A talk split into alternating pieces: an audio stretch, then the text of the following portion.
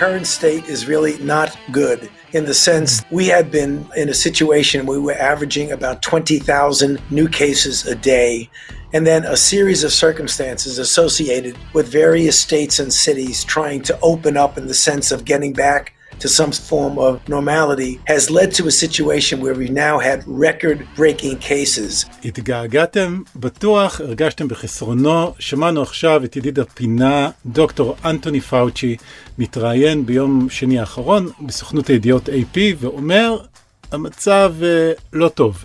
מספר המקרים הכפילו את עצמם בשבוע וחצי, וזה כאשר מחצית המדינות בארצות הברית מנסות לפתוח את העסקים. אם לא שמתם לב, דוקטור פאוצ'י, דוקטור ברקס, שאר חברי הטאסק פורס, אה, נעלמו להם. ואתם לא לבד, בבית הלבן החליטו שלא לאשר לרופאים המומחים האלה להמשיך להתראיין, כיוון שמפעם לפעם הם סותרים את האמירות של הנשיא טראמפ, שאומר למשל שמרבית החולים והנדבקים כלל לא מזיקים. פאוצ'י הופיע בסנאט בשימוע בראשית השבוע, מה שטראמפ לא יכול להגביל, וגם דיבר עם סוכנות הידיעות בקצרה, אבל בכל ערוצי הברודקאסט ציינו שהם ביקשו ממנו להתראיין, והממשל פשוט לא אישר לו. שלום לכם, אתם מאזינים למדריך לטראמפיסט, והיום אורי ואני נצלול לנושא הסקרים הפוליטיים בארצות הברית. אה, אנחנו נתמקד בכללים, איך לקרוא סקרים, מה לקרוא, איזה אתרים להיכנס כדי אה, להבין, ואנחנו כמובן אה, נעזר במומחיות של יפתח דיין. אה, אתם בטח אה, כבר זוכרים את השם שלו מאחד הפרקים הקודמים, יפתח הוא גם אה, בעל הבלוג על פילים וחמורים, אותו, ניתן, אותו ניתן למצוא בפייסבוק ובטוויטר, אז לראיון נגיע יותר מאוחר, אבל קודם כל קצת חדשות. אוקיי okay, טל, מה את מספרת? תראה אורי, אני אתחיל עם הדמוקרטים, הוועידה שלהם, האירוע הגדול בו מכריזים על המועמד באופן רשמי, כמובן ג'ו ביידן, mm-hmm. הוועידה הייתה אמורה להתכנס במילווקי, ב-17 באוגוסט. בדרך כלל הוועידות מתחילות ביום ב', נמשכות עד יום חמישי בלילה, כאשר ביום חמישי בלילה המועמד שזוכה לתשואות הצירים ולתמיכת המפלגה נותן את הנאום הגדול, נאום מכונן, מסורתית ככה מקובל שיום או יומיים לפני הוועידה, בסוף שבוע שלפני הוועידה, כלומר משהו ככה בסביבות 15 באוגוסט, מכריזים על uh, מי, מי מועמדת uh, להיות uh, סגנית הנשיא, בעבר רוב השנים זה היה תמיד גבר, אבל הפעם ביידן התחייב שזאת תהיה סגנית נשיא. וכמובן כלי התקשורת בארצות הברית עוסקים במלוא המרץ בנאומים, במסרים של הקמפיין, בזהות הסגנית, במצע של המפלגה, מה המשלחות אומרות וכולי, אירוע מאוד מלבב, הרבה פעמים בסיום של האירוע הזה בכל אחת מהמפלגות, כל אחת בתורה, יש להם גם איזשהו באמפ בסקרים, זאת אומרת יש ככה קפיצה כתוצאה מכך שבמשך שבוע כלי התקשורת עסקו רק באותה המפלגה, זה מתאזן באמפ לאלו, באמפ לאלו, אבל אורי, כן. אתה כבר מבין. כן, זה לא יקרה. כן. אז מה, מה, מה התוכנית במקום? אז בהתחלה אמרו במפלגה הדמוקרטית בוא נעשה ועידות מדינתיות. כלומר בכל מדינה יהיה אמ. כנס, 50 כנסים שיערכו בו זמנית, באותם הכנסים יבואו צירים, הרי צריך לעשות פה גם איזשהו אקט פורמלי של הצבעה, אתה יודע, יש את הקטע הזה שהם כולם מרימים את היד והם צועקים ביידן, חלק יצעקו סנדרס. כן, תכלס. וסביב זה הם היו אמורים לארגן מעין מסיבות צפייה מקומיות, כל, כל מדינה התחילה להתארגן על לוקיישן כזה, אבל אורי אתה כבר יודע ושמענו את דוקטור פאוצ'י בהתחלה, המגפה משתוללת, משתוללת והיא לא נראית אפילו בסימן בכיוון של אה, לדעוך, יש קצת דעיכה ב... אולי במספר המתים אבל אין דעיכה במספר המדבקים ובמפלגה הדמוקרטית אמרו אוקיי אנחנו ניכנס מקסימום אלף איש במילואקי, יהיה נאום, האנשים האלו שיבואו ייצגו את המדינות באופן ככה יחסי באיזשהו אופן, כולם יהיו בריחוק של שני מטר, יהיה להם מסכות על הפנים כל הזמן, אבל החדשה האחרונה ממש מהיממה הזאתי, שגם הכינוסים, הכינוסים המדינתיים עומדים להתבטל, אתה יודע במפלגה וואו. הדמוקרטית ככה מתבאסים אבל הם אומרים תראו בואו צריך להסתכל על הצד החיובי. לפחות אנחנו כבר מגיעים למצב של הוועידה כשאנחנו כבר מבינים מה הולך פה. זאת אומרת תתאר לעצמך שהם היו נזרקים לתוך כל המהומה הזאת במרץ או באפריל. ככה לפחות כבר הם מבינים עכשיו חודש יולי הם מבינים שעוד חודש זה, זה לא יכול אה, לקרות. בכל מקרה לא נשמע שיש שם איזה show מלהיב במיוחד. תגיד, מי, מי יזרוק את כל הבלונים על הראש של ביידן? כל הבלונים הכחול אדום לבן האלו שיורדים מה, מה, מהגג. אולי, אולי יעשו לו אה, פילטר על, ה, על ה webcam, יורידו לו משהו עם איזה פילטרים על הפנים. אה, תראה, אני לא יודעת מה הם מתכננים. אני רק יכולה להגיד לך דבר אחד קטן שקרה דבר מעניין בטוויטר של ביידן. אתה יודע, מהרגע שהמגפה פרצה, mm-hmm. במשך כמעט שלושה חודשים האבטר שלו, זאת אומרת הדמות פנים שלו בטוויטר הייתה עם מסכה שחורה. שזה מראה, תסכים איתי, לא נעים. זאת אומרת, הרי טראמפ כן. כל הזמן אומר, אני לא הולך עם המסכה, כי הוא בין השאר חשב שתדמיתית זה לא נכון לראות מנהיג שחצי מפניו אה, מכוסות. ביידן שם ממש את האווטאר שלו עם המסכה, במובן הזה אני חושבת, הוא, הוא בידל את עצמו, הוא אמר, יש לכם מנהיג לא אחראי, ואני המנהיג האחראי, השבוע פתאום הוא הוריד את המסכה בטוויטר, אני שמתי לב לזה כמובן שבאתי לחפש את התמונה עם המסכה, אבל ראיתי שדווקא בקטעי וידאו של הקמפיין שהוא מעלה, הוא כן עם המסכה. אני, אני חושבת כל הסיפור הזה עם המסכה עוד לא דובר מספיק, יש פה איזשהו עניין מעניין, ביידן הקמפיין שלו, צריך להגיד זה בטוח החלטה של יועצים, כן. החליטו שנכון להם כנראה מעכשיו ועד נובמבר, הם, הם לא חוששים מהסיפור הזה של להיראות לא טוב, אלא הם כן מבינים שהסמל עם המסכה משדר איזשהו סוג של אחריות ציבורית או אחריות לאחר. אה, זהו, זה, עוד לא ראיתי כתבות מאוד גדולות בעניין, אבל אני בטוחה שעוד יטחנו את הנושא הזה. כן, זה מעניין. טוב, טל, וצריך לציין כמובן שאת השיחה על מי תהיה הסגנית, איך בוחרים סגנית, מה המשמעות של המינוי הזה בסיבוב הזה, אנחנו נעשה בהמשך ככה לקראת הוועידה. ברור, ברור, אנחנו גם נתרגש, אישה וכולי. Uh, טוב, אורי, מה, מה אתה מספר לנו חדשותית? Uh, אני רציתי לדבר איתך uh, דווקא על ספר חדש. את יודעת, היה את כל המהומה סביב הספר של בולטון לפני שבועיים. בשבוע הבא מסתבר הולך לצאת ספר שעושה הרבה רעש של uh, האחיינית של טראמפ, מרי uh, טראמפ. הנשיא ניסה לפעול באמצעים משפטיים, לעצור את uh, פרסום הספר, אבל זה לא עבד, חופש הביטוי בארצות הברית גובר. אז תגיד רגע, אה, זה, זה רק טראמפ שמנסה לעצור אה, חסימת ספרים? זאת אומרת, רק נגד טראמפ יש ספרים כאלו שמספרים, שמוציאים לו את הקישקש החוצה ו... בוא נקרא לזה ספרות זולה או ספרות גבוהה, איך שאנחנו רוצים, או לא, שזה... ממש לא, ככה ממש זה לא. תמיד? זה ז'אנר אה, מוכר, לא יודע אם אהוב, אבל מוכר, את יודעת, עם השם מרק אובמה דה סנג'ו. אומר לך משהו, אני מקווה שאני מבטא את זה נכון, זה אחיו למחצה של הנשיא אה, לשעבר, אובמה, שפרסם ב-2013 ספר אה, על החיים בצל אביהם המשותף, והשתייה, והאלימות כלפי אה, האם. אה, כשברק אובמה ואחיו מרק בכלל לא ידעו שהם אחים עד 1988, היה שם הרבה מידע מזיק. אוקיי. Okay. ומה מרי טראמפ, זאת אומרת אה, טראמפ הוא לא הראשון שמחרבים לו, מה, מה מרי טראמפ אה, רוצה לספר לנו? לא הראשון ולא האחרון כנראה, כן. אמ, אז היא פסיכולוגית קלינית, והיא חושפת שאימו של דונלד טראמפ הייתה חולה בילדותו, ואבא שלו, שהיה, את יודעת, איש, עשק, איש עסקים אה, קשוח, לא בדיוק מילא את מקומה של האם, והספר ככה, אה, לפי הדיווח באתר פוליטיקו, הוא מתאר את טראמפ בתור מישהו שהוא בהרבה מובנים כמו שהיה בגיל שלוש, אה, אדם שלא מסוגל לצמוח, או ללמוד, או להתפתח, או לשלוט ברגשות שלו, למתן את התגובות שלו, או לאבד מידע, וסובל אה, מצלק... מחסכים שצילקו אותו לכל החיים. ואם זה לא מספיק, היא גם כותבת שעבורו רמאות היא דרך חיים. אאוץ'. ממש, ממש אאוץ'. כן, זהו, תשמעי, בכל מקרה, אחרי שניסיון של טראמפ ואח שלו לעכב את הפרסום בבית המשפט אה, נכשל בינתיים, הספר אה, הוקדם, אמור לצאת בשבוע הבא, אה, ו... נסיים אולי עם עוד איזה אה, פרט קטן אה, שמתפרסם בפוליטיקו, מסתבר שמרי טראמפ אה, גם שחררה איזה איום קטן כלפי דוד שלה בתצהיר שהגישה בשבוע שעבר בבית המשפט, היא אומרת שטראמפ הונה אותה לגבי שווי הנכסים של המשפחה כשהם הגיעו לאיזשהו הסכם חלוקת נכסים ב-2001. זה מין רמז כזה שאם הסכסוך המשפטי יימשך, זה יכול לפגוע בו, אז אולי כדאי לו לרדת מזה. אורי, מה אני אגיד לך? אה, ממש מפתיע, מי, מי היה מאמין שמישהו יאשים את טראמפ בהונאה? שוק. כן, בכל מקרה, איזה משפחה. טוב, אוקיי, זה היה בציניות, אבל בכל זאת, אנחנו רואים הרבה, הרבה, בוא נגיד, אי אמירות אמת מהנשיא הזה, אז אני לא, לא יודעת, אה, משפחה שכזו. כן, כן. אנחנו נכנסים אה, לתוך השיא של העונה הפוליטית, הבחירות ייערכו בשלישי בנובמבר 2020 ב-50 מדינות בארצות הברית, וזה אומר שיש לנו קצת פחות מארבעה חודשים.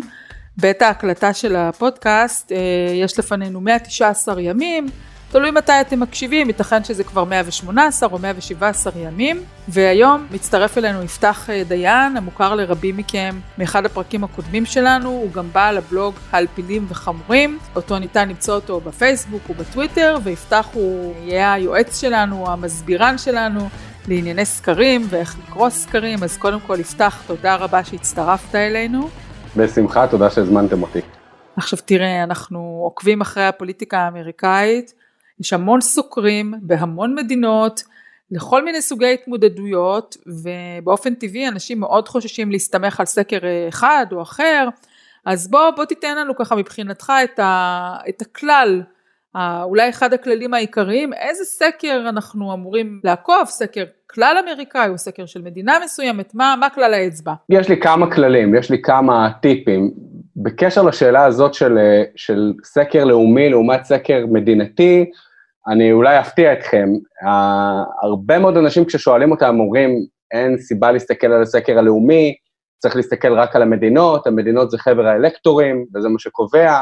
זה נכון ברמה התיאורטית, אבל מבחינת המציאות בפועל, אני דווקא חסיד די גדול של הסקרים הלאומיים בנקודת זמן הזו שבה אנחנו נמצאים, על פני הסקרים המדינתיים, להבדיל ממקרה אחד ספציפי שאני תכף אתייחס אליו, אבל באופן כללי סקרים לאומיים יוצאים הרבה, בתדירות גדולה יותר, יותר מכונים אה, נחשבים שעושים עבודה יותר אה, מקצועית על פי רוב המדדים, אה, עושים יותר סקרים לאומיים.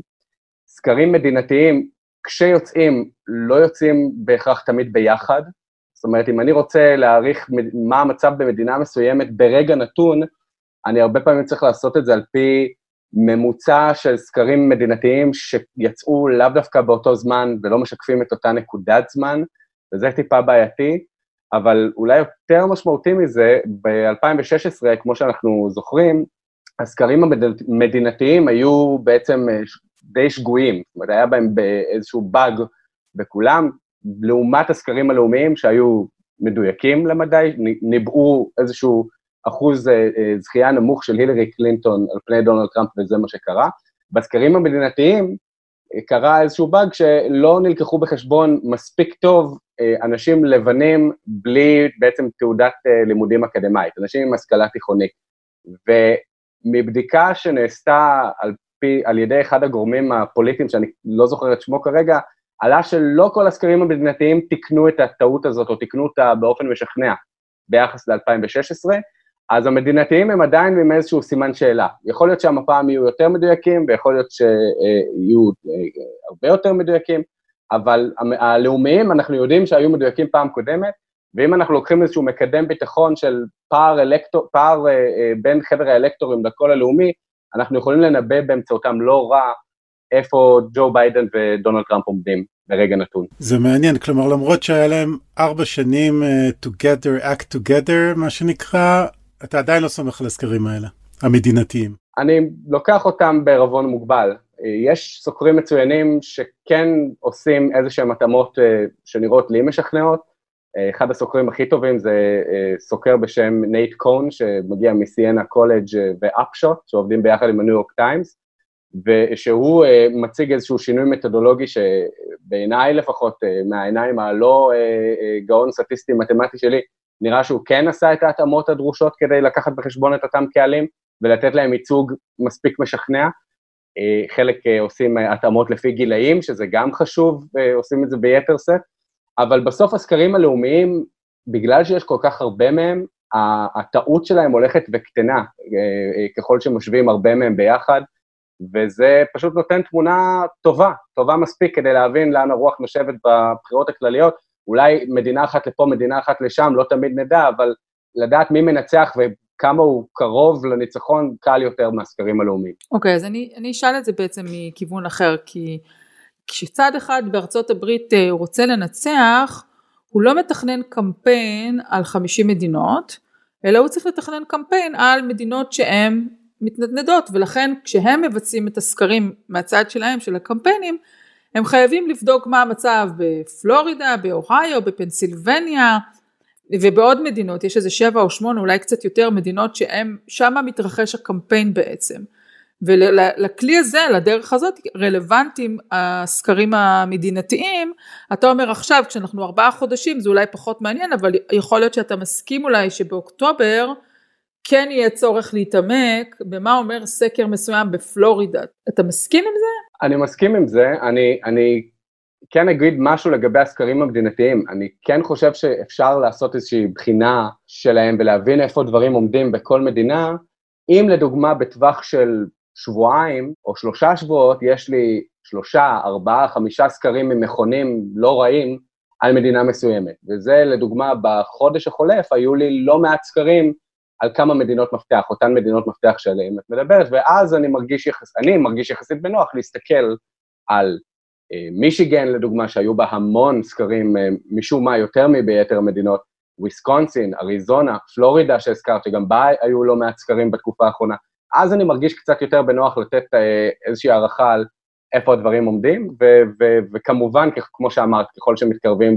לאוקטובר, נובמבר, אז, אז צריך לתת להם יותר משקל, במיוחד אם הקרב נראה צמוד יחסית, כמו שהיה ב-2016, ו- ואז באמת גם אפשר להתחיל לשחק כל מיני משחקים של אה, כן בתוך טווח הטעות, לא בתוך טווח הטעות, אה, האם הסוקר נוטה לטובת הדמוקרטים או הרפובליקנים, אה, כמה הוא דייק בפעם קודמת, ועוד כל מיני שאלות כאלה שאפשר לשאול כדי לקחת כל סקר על כל מדינה באיזשהו ערבון מוגבל שנותן לי אה, מושג לאיפה הדברים עומדים במרוץ הספציפי הזה. באחד הפרקים הקודמים דיברנו על, אתה יודע, כל אחד והאתר המועדף עליו, לאן אתה הולך לבדוק את הסקרים. אני אישית אוהב את 538 של נייט סילבר, אם כי, אני לא יודע, אנשים שקוראים להם נייט, גם נייט כהן אה, מהניו יורק טיימס הוא בסדר. אה, טל, את אוהבת את real clear politics, נכון?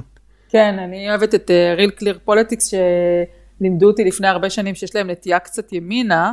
למען האמת, אני לא יודעת, לאו דווקא בסקרים, אלא יותר בתוכן שם שרץ. ויפתח, מה, מה המקום שלך? אני, האמת, נכנס לשניהם, אני חושב ששניהם אה, חשובים. אני אישית גדלתי עם real clear politics, זאת אומרת, כשאני התחלתי להתעניין בפוליטיקה האמריקאית, אה, נייט סילבר עוד לא הקים את 538, ואפילו עוד לא הקים את הבלוג שלו בניו יורק טיימס, שממנו הוא התחיל.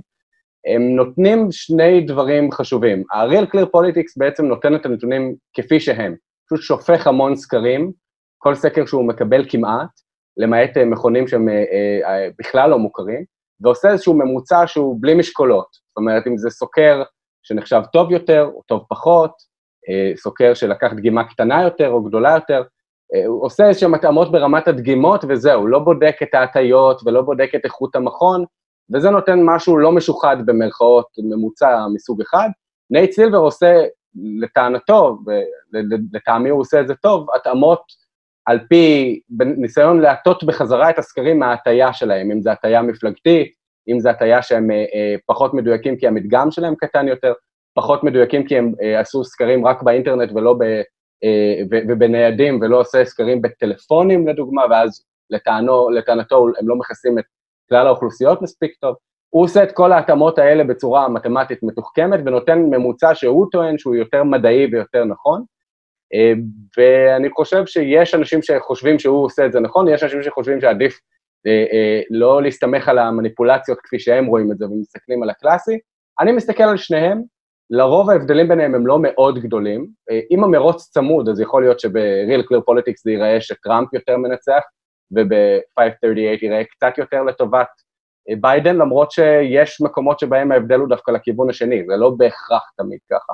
אבל אני חושב ששניהם הם בסדר, ואם רוצים לקבל דברים קצת יותר חמים, אז יש כל מיני חשבונות בטוויטר שאפשר לעקוב אחריהם, שנותנים אה, סקרים ממש ככה חמים מהתנור, לפעמים לפני ששני האתרים האלה מזינים אותם. אני חייב להגיד, זה לא בדיוק שאלה, אלא יותר אה, אובזרבציה, שלי תמיד נראה משונה הקטע הזה שיש סוקרים שמזוהים עם צד פוליטי מסוים. כלומר, לכאורה...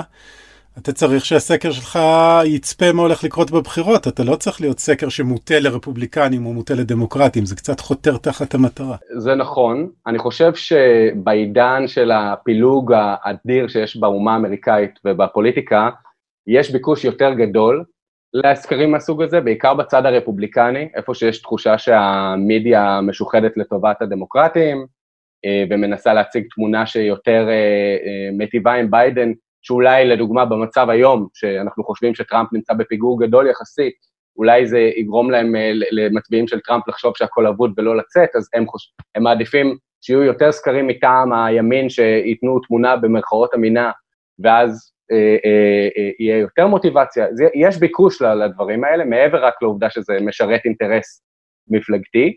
אני אגיד שאני אישית, אני כן שמח שיש את הסקרים האלה משתי סיבות. קודם כל, חשוב להגיד, לא כל מי שנשמע אה, מוטה לצד מסוים הוא בהכרח כזה.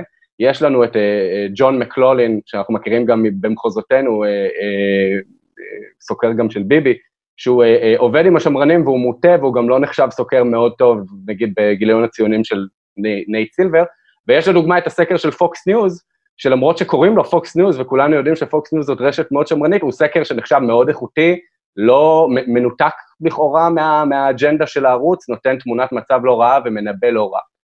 והסיבה שאני אוהב את זה שיש את הסקרים האלה, כי לדוגמה, אה, יכול להיות סקר של מכון שמרני, שמנבא פער קטן לביידן במדינה מסוימת, ואתה יכול לקחת את המקדמים ולהגיד, אוקיי, אם יש לי סקר כמו סקר טרפלגר, סקר מאוד שמרני שלא נחשב, עוד פעם, לא נחשב איכותי כל כך, אבל מראה כרגע תיקו בפלורידה, ופלורידה זאת מדינה שאנחנו יודעים שלטראמפ יהיה מאוד קשה לנצח בלעדיה, אפשר להניח מזה שהסקרים הקונבנציונליים שמראים פער של 3, 4, 5, 6 לטובת ביידן, אה, משקפים לא רע את המציאות, אם גם הסקר השמרני לא מראה לטראמפ איזשהו יתרון משמעותי שם.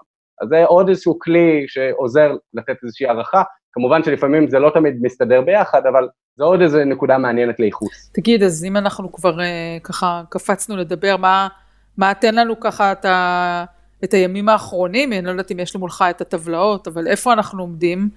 Uh, אני מודה שאני לא בדקתי את הסקרים הכלל ארציים, אלא רק מסתכלת כל הזמן על פלורידה, אוהיו, פנסילבניה.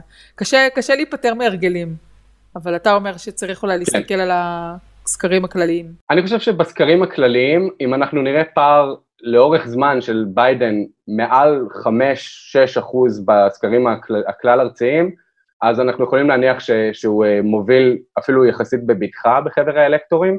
בין שלוש לחמש זה בהחלט אה, קרב צמוד וגם יכול להיות שטראמפ ינצח, אפילו אם הוא מפסיד בקול הכללי.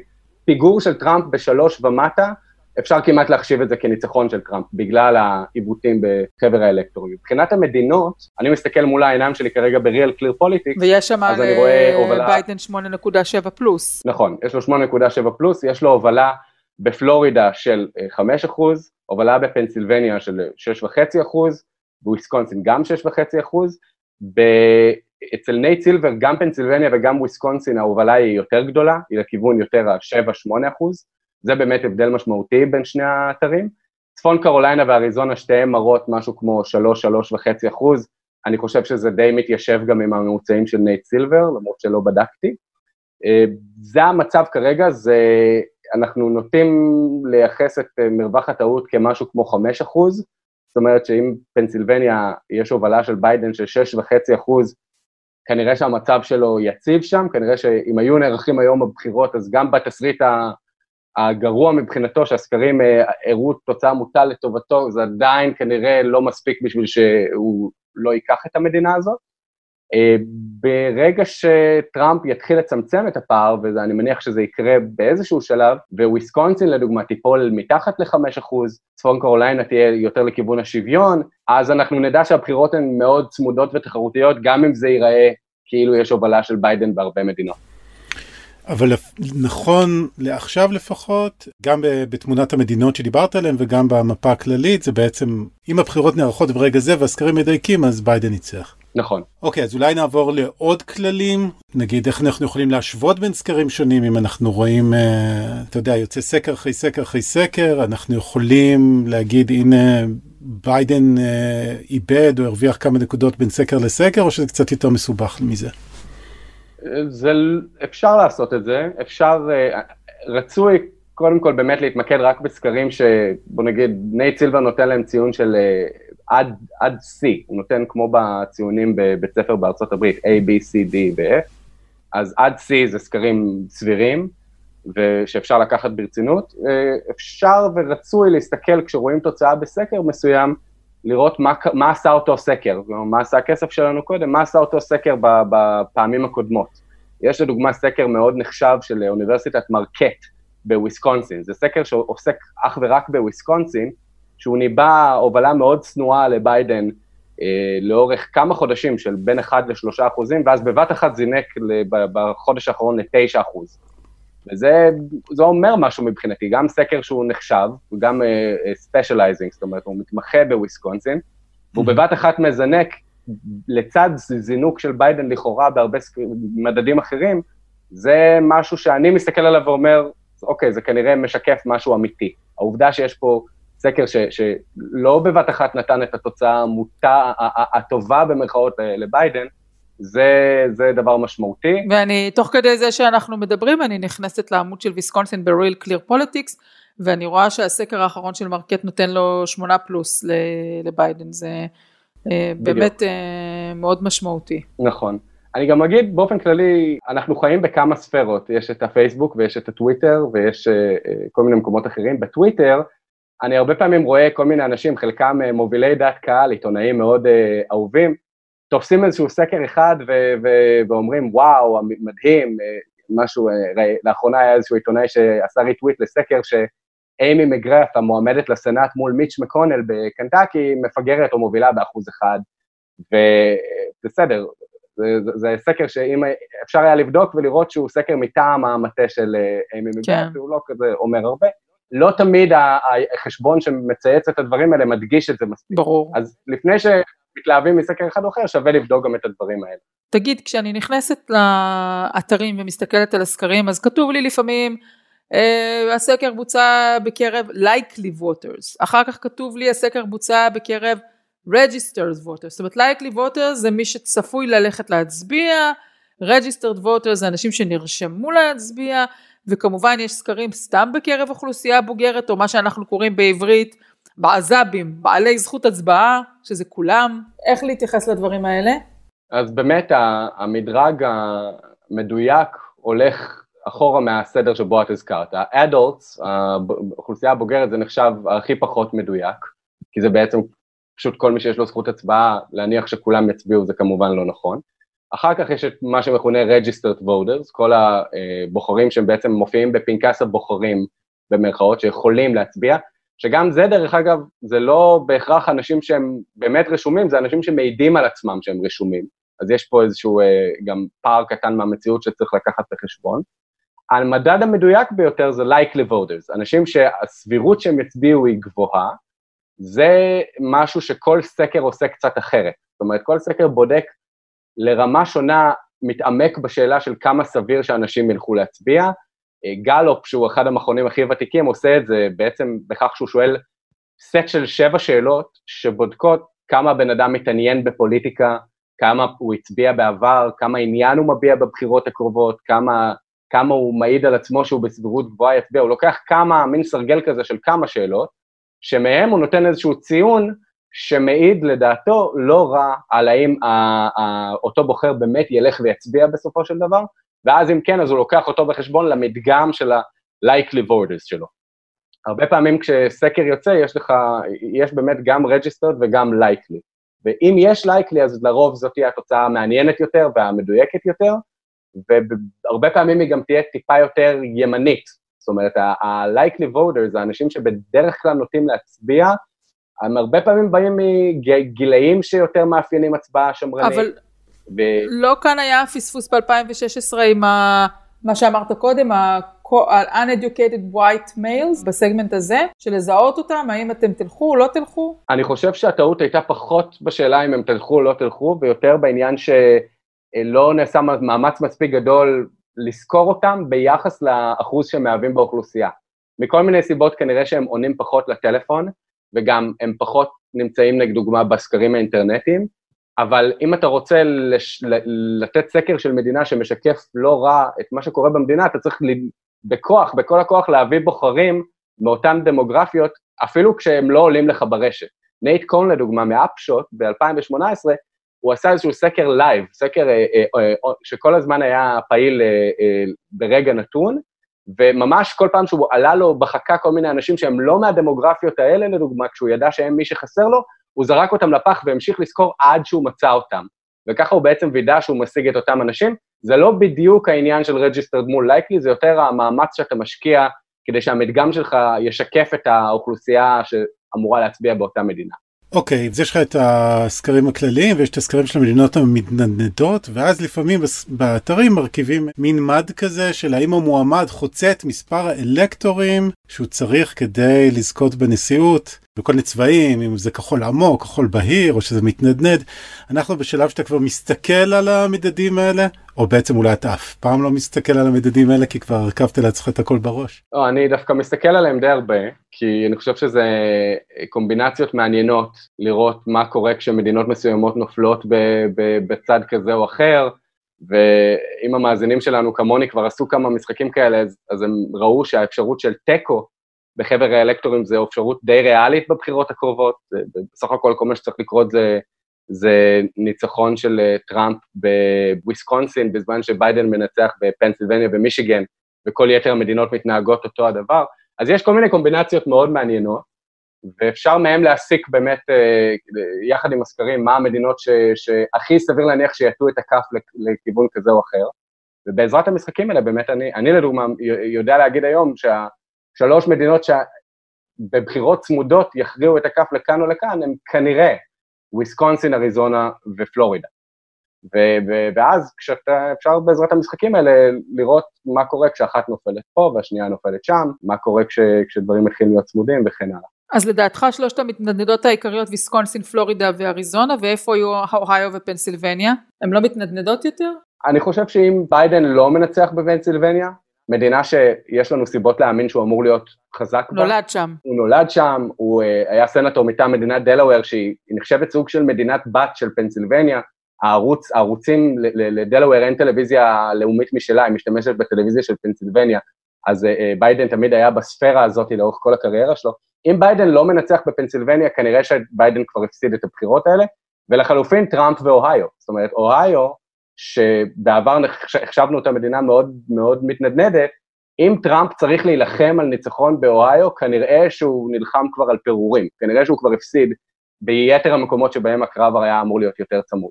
אני רוצה להתעכב שנייה על משהו שאמרת קודם, שזה נקודה ש- שלמדנו על בשרנו ב-2016, אבל כדאי קצת אה, אולי בכל זאת אה, לשוב להתעכב על זה. אמרת שדמוקרטים צריכים בעצם פער מאוד גדול בקול הפופולרי לעומת הרפובליקאים כדי לנצח. אז בוא תסביר שנייה את המתמטיקה פה. אין בעיה. קודם כל, השיטה של חבר האלקטורים בהגדרה נותנת יותר ייצוג למדינות קטנות ביחס למדינות גדולות, מאשר בעולם שבו אנחנו עושים בחירות רגילות שכולם מצביעים והקול של כל אחד שווה אותו הדבר. בקליפורניה יש 40 מיליון איש, בוויומינג יש 600 אלף איש, אבל מבחינת החלוקת אלקטורים, 55 בקליפורניה לעומת 3 בוויומינג, עד כמה שזה נשמע מוזר, זה נותן ייצוג עודף לוויומינג לעומת קליפורניה. עכשיו, זה לא מאוד משמעותי כשזה מדינה אחת, אבל יש הרבה מאוד מדינות קטנות בארצות הברית מבחינת אוכלוסייה, והרבה, יש יותר מדינות קטנות רפובליקניות מאשר דמוקרטיות. אז כן. כשסוכמים הכל, זה יוצא שיש יתרון קל לרפובליקנים בחבר אלקטורים ביחס לקול הפופולרי, ביחס ל-popular vote, ומעבר לזה, יש עניין עם המדינות, שלושת המדינות של חגורת החלודה, שטראמפ בעצם הצליח אה, לשדוד מהדמוקרטים בסבב האחרון, פנסילבניה, מישיגן וויסקונסין, אלה שלוש מדינות ספציפית שהאחוז תושבים בערים לעומת התושבים בכפר שם הוא לא מאוד גדול. ב, ב, יש לי את הנתונים מולי, אז אני רק אבדוק את זה. בפנסילבניה, אם הייתי צריך לדרג את המדינות בארצות הברית מבחינת יחס תושבי עיר לעומת תושבי כפר, אז פנסילבניה הייתה נמצאת מקום 18, שזה סביר, מבחינת הדמוקרטים שרוצים במרכאות יותר תושבים בערים, כי תושבים בערים נוטים להצביע יותר להם. מישיגן מקום 23, וויסקונסין שעל פי הרבה מאוד דעות עלולה להיות מדינת הטיית כף, היא מקום 31. מדינה מאוד כפרית, העיר הכי גדולה בה, שהיא מילווקי, משמעותית קטנה יותר מהערים הגדולות של השתיים הקודמות, שזה פילדלפיה ודטרויט, וזה לא סתם שהדמוקרטים חושבים לעשות שם את העצרת שלהם, במידה ותהיה כזו, של הוועידה הלאומית. תדרוך, תדרוך ו... לנו על היבלות פה, תדרוך, אני, חופשי. לפחות את היית באחת, אני גם, אני גם לא זכיתי להיות באף עצרת. יש כאן מישהי זה... שהיולי שלה אמור היה להיות במילווקי, כן? אז את תהיי פה איתנו וביחד אה, נראה את הוועידה בזום כמו כולם. בדיוק. אבל באמת מבחינת אה, וויסקונסין כמדינה שבחבר האלקטורים, מטה את הכף, היא מדינה שהיא יותר נוטה לדמוגרפיה שמאפיינת את הרפובליקנים, היא מדינה יותר כפרית מרוב ארצות הברית. אז אם הדמוקרטים רוצים להבטיח לעצמם ניצחון בוויסקונסין, כנראה שביתר המדינות הם צריכים לנצח ביתר קלות. משמע, הם צריכים פער גדול יותר בחבר האלקטורים, בקול הפופולרי. טוב, יפתח, אני חייבת להגיד לך שההסבר שלך על האלקטורים, אה, בוא נגיד אורי ואני ידענו למה אנחנו מזמינים אותך לפרק הזה, כדי לשמוע את החדות החשיבה שלך והאופן שבו אתה מסביר את הדברים. אני לא חושבת שאני הייתי מסוגלת אי פעם בחיים שלי להסביר את הנושא הזה. עכשיו כל פעם שאני, שישאלו אותי על זה אני אצטרך ללכת לפרק הזה בפודקאסט, לפתוח בדקה כך וכך ולחפש איך, איך יפתח הסביר את זה. אה, טוב רגע נסיים רגע עם המחמאות ותקשיב אה, אני קראתי באיזשהו מקום שהאופן שבו טראמפ מצייץ כל הזמן law and order סדר וחוק חוק וסדר סדר, חוק ו... לא יודעת מה ארגון זה בעצם מסר שהוא יושב מאוד מאוד טוב בקרב אותה אוכלוסייה לבנה בוגרת אולי כן משכילים לא משכילים אני חושבת שזה גם כולל אנשים שהם college educated מה שנקרא שמאוד מאוד לקחו קשה את מה שהיה התחולל ברחבי ארצות הברית אה, עקב אה, הרצח של ג'ורג' פלויד ונורא חשוב להם המסר הזה של השבת הסדר על כנו ולא לא, לא סתם טראמפ מצייץ כל הזמן את העסק הזה והאם אנחנו רואים את זה היום בסקרים זאת אומרת יש איזושהי תחושה שעכשיו טראמפ אולי נמצא בתחתית של התחתית ומכאן הוא יוכל רק לעלות אם הוא ימשיך עם המסר הזה המסוים שיבוא ויגיד תשמעו אני נשיא שאני רוצה סדר ברחובות. אני אגיד כזה דבר, אני לא חושב שהמסר הזה ב-2020 מנצח עבור טראמפ את הבחירות. זה מסר שניצח עבור ריצ'רד ניקסון ב-1968 את הבחירות, כשהקול הלבן הכללי, גם המשכילים וגם הלא משכילים, היה בממוצע יותר שמרני מאשר היום. אני חושב שזה לא עוזר לטראמפ בכלל הציבור, זה עוזר לטראמפ בעיקר עם ה base שלו, אבל אני לא מזלזל בחשיבות של זכייה של טראמפ ב base שלו, כי אנחנו ראינו בשבועות האחרונים כל מיני מונולוגים של אנשים כמו טאקר קרלסון, שמשקף אולי את ה base של טראמפ יותר טוב מכל אחד אחר, כולל טראמפ עצמו, מבקר מאוד בחריפות את טראמפ, וממש כמעט אה, זורק את הדגל לגביו, ואם טראמפ לא רוצה לאבד כל סיכוי בבחירות האלה, זה כן חשוב לו לשמר את ה base שלו, ולשלב הזה של לא לאבד את ה base, המסר הזה של law and order הוא חשוב. לכלל הציבור, אנחנו חוש... רואים מהסקרים היום. המסר שאני מקבל מזה שטראמפ בעצם, התמיכה שלו רק הלכה וירדה ככל שהמחאות uh, תפסו נפח בכותרות, ולא להפך. הסיבה לזה, כפי שאני מפרש אותה, היא שאנשים משכילים היום, הנושא של גזע ואיך, uh, ו- ו- וכמה הם תופסים את עצמם, ו- ואנשים לבנים אחרים כ- כמודעים או לא מודעים ל- ל- החשיבות של גזע בארצות הברית וליחס שאנשים שחורים מקבלים, הוא יותר משמעותי מבעבר. ואז הם, הם כן מחפשים איזשהו קול במנהיגות שנותן איזושהי מחווה של רצון טוב, איזשהן אמירות של אה, אה, אה, כולם שווים וצריך לדאוג גם לשחורים, מעבר למה שטראמפ עשה, ופחות דגש על אה, לדכא את, המפג... את ההפגנות ו- ו- ו- ו- ולדאוג ש- שפושעים ישבו בכלא, כי זה איזשהם מסרים שהם כבר פחות כנראה שהמשקל הסגולי שלהם הוא נמוך יותר בקרב בעיקר אוכלוסיות משכילות. יכול להיות, ש... יכול להיות שאני טועה ויכול להיות שיש כאן תופעה של אנשים אומרים משהו אחד בסקרים כי הם חושבים שזה גורם להם לראות יותר טוב במשהו אחר מעבר לכל, אבל זאת התחושה שאני מקבל מה, מהמגמה בסקרים. מה שכן, איפה שאני כן חושב שטראמפ יכול לרכוש בחזרה את אמון הציבור, שהוא מחפש להחזיר, אותם אה, שמרנים מתונים, זה בכל הנושא של פסלים, ובכלל הנושא של, של, של פרספקטיבה על ההיסטוריה. הסקרים מראים שבאופן כללי האמריקאים לא מאוד אוהבים את הרעיון של להוריד פסלים, אפילו לא של מנהיגי קונפדרציה, מנהיגים צבאיים מהקונפדרציה, ממדינות הדרום שפרשו מהאיחוד, אבל בטח לא סקרים של, פסלים של כל מיני נשיאים לשעבר, שזה משהו שאנחנו גם רואים קורה במחאות האלה. זה לא משקף את דעת כלל המפגינים, אבל אנחנו רואים גם סקרים, אנחנו רואים גם פסלים של ג'ורג' וושינגטון נופלים, ופסלים של תומאס ג'פרסון. אגב, ג'פרסון אולי בצדק, אבל זו שיחה ליום אחר.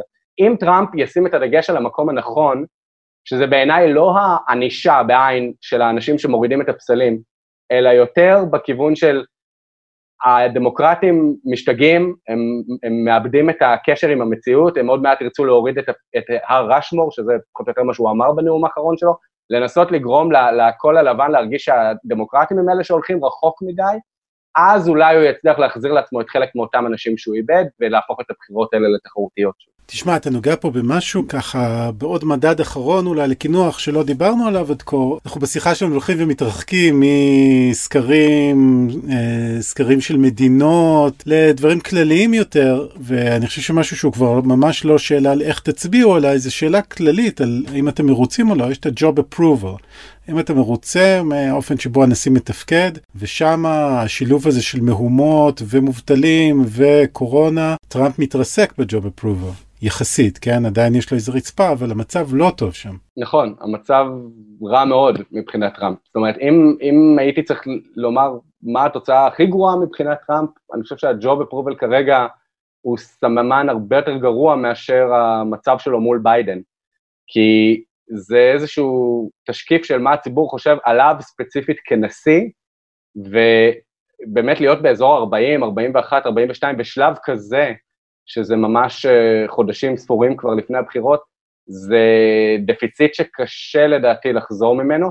כל הזמן אנחנו, כשטראמפ היה באזור 42-43 אחוזי תמיכה, היינו אומרים שהייתה תקופה מאוד ממושכת שגם אובמה היה באותו אזור. אבל ככל שאובמה התקרב לבחירות בנובמבר מול מיט רומני ב-2012, הוא הלך וטיפס בהדרגה לאזור 44, 45, 46. כשנשיא מגיע לאזור 47-48 אחוז תמיכה, זה אומר שהוא בצ'אנס לא רע לזכות שוב בבחירות. אצל טראמפ אנחנו לוקחים מקדם אפילו מעבר, אומרים אולי, אולי הוא יכול לזכות עם 46 או 47, כי ה base שלו יותר נלהב מאשר אה, אה, אה חלק מהמצביעים מה, של הדמוקרטים. הנחת אה, יסוד אה, ליתר ביטחון, מה שנקרא. עדיין ב-41-42 אחוז אי אפשר לזכות בבחירות. המצב כן. בארצות הברית הוא לא טוב. זאת אומרת, העובדה שאנשים לא יכולים לעבוד בחלק מהמקרים, ושהתגובה של טראמפ לקורונה נתפסת כשאננה, כל מה שקרה בחודש פברואר, והעובדה שהמהומות באמת אה, נותנות איזושהי תחושה של אי סדר בארצות הברית, אבל, אבל כזה שנובע בין היתר מה, מה, מהגישה של הממשל וגם מהתגובה של הנשיא, כל הדברים האלה מצטברים לכדי תחושה לא טובה של אנשים. אני רק אה, שנייה אעצור אותך, אם אפשר, אני אגיד, יש לו באפרוב 42 ובדיסאפרוב 56, זאת אומרת, אה, זה אוהב, לא אוהב, מה שנקרא, ויפתח, אני באמת שאלה אחרונה, כי זמננו עומד להסתיים, ככה בקצרה, אולי תגיד לנו, כמה הסקרים נותנים לנו תמונת מצב? אנחנו יודעים שזה להיום, אבל אי אפשר לחזות עם זה, אבל זה כן נותן איזשהו, יש איזושהי נקודה שממנה יהיה על חזור כבר מבחינת טראמפ? קשה לי לענות על השאלה הזאת, נראה לי שראינו בבחירות הקודמות, פתאום הילרי קלינטון מתעלפת, פתאום יוצאת הקלטת על טראמפ, זה לא דברים שאירועים נקודתיים כאלה עוד לא קרו לנו בבחירות האלה, זאת אומרת, למעט הסיפור האחרון עם הרסים על, שרוסיה שמה על ראש של חיילים אמריקאים, לא היה איזה סיפור נקודתי מאוד מאוד אה, עסיסי לגבי אחד מהמועמדים, וזה בהחלט משהו שיכול לשנות. אם יש איזושהי החמרה בבריאות של ג'ו ביידן לדוגמה, זה יכול בבת אחת לשנות את התמונה.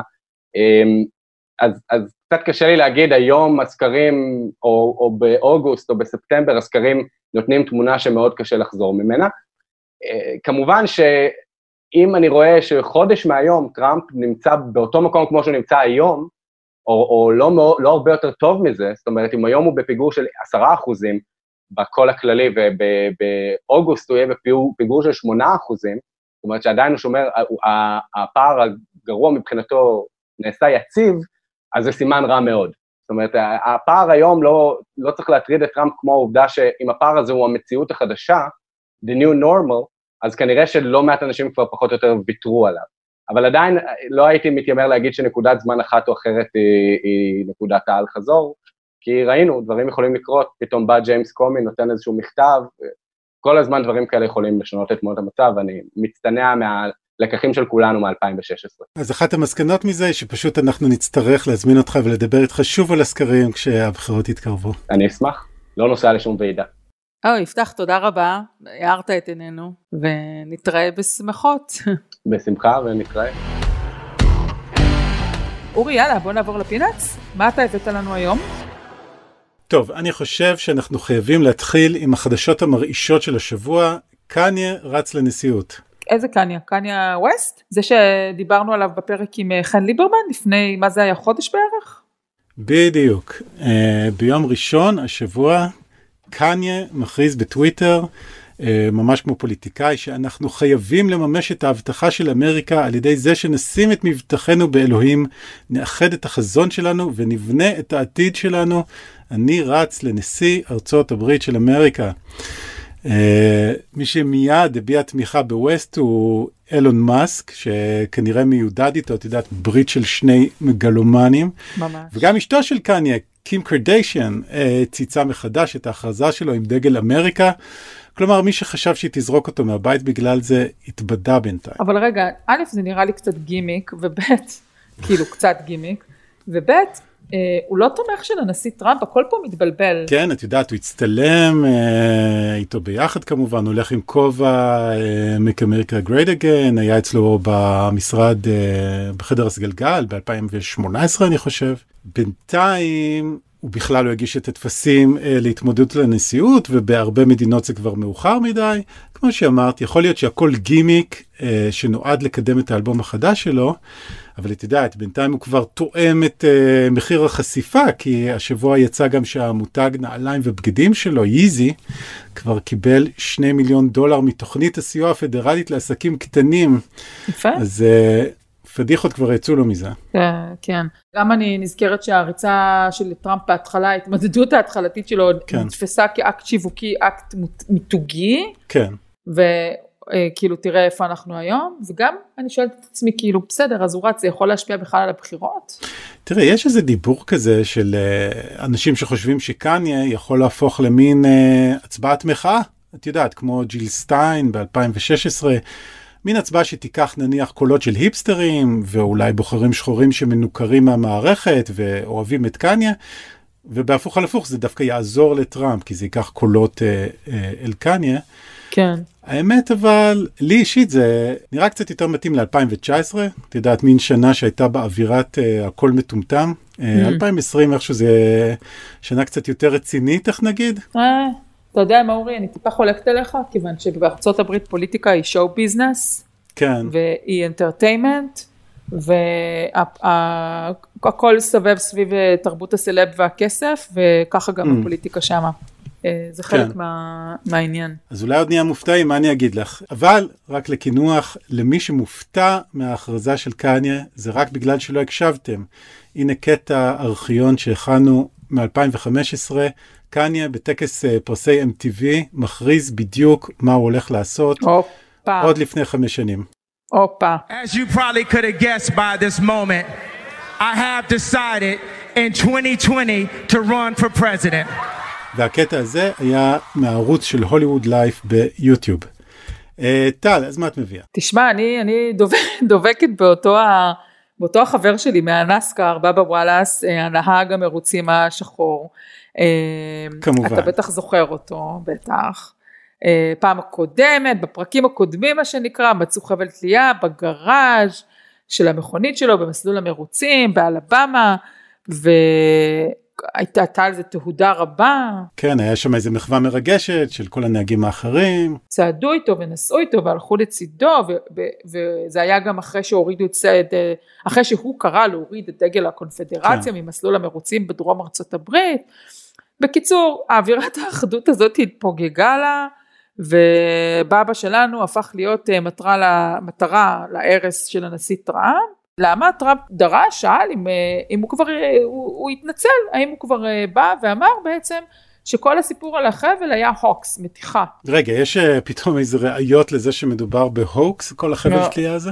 אוקיי, אז לא בדיוק ככה, אבל ה-FBI התחילו לחקור, והגיעו למסקנה שהחבל הזה, חבל תלייה, שזה סמל מאוד מאיים עבור שחורים בדרום ארצות הברית, כנראה הונח שם כבר קודם, לפני כחצי שנה, ואולי לא היה קשור ישירות לוואלאס. מצד שני, אה, בבא וואלאס הנהג הוא גם לא זה שדיווח על החבל, זאת אומרת זה לא שהוא בא לעשות אה, סיפור, סיבוב על הסיפור הזה, אז מה, על מה הוא אמור להתנצל?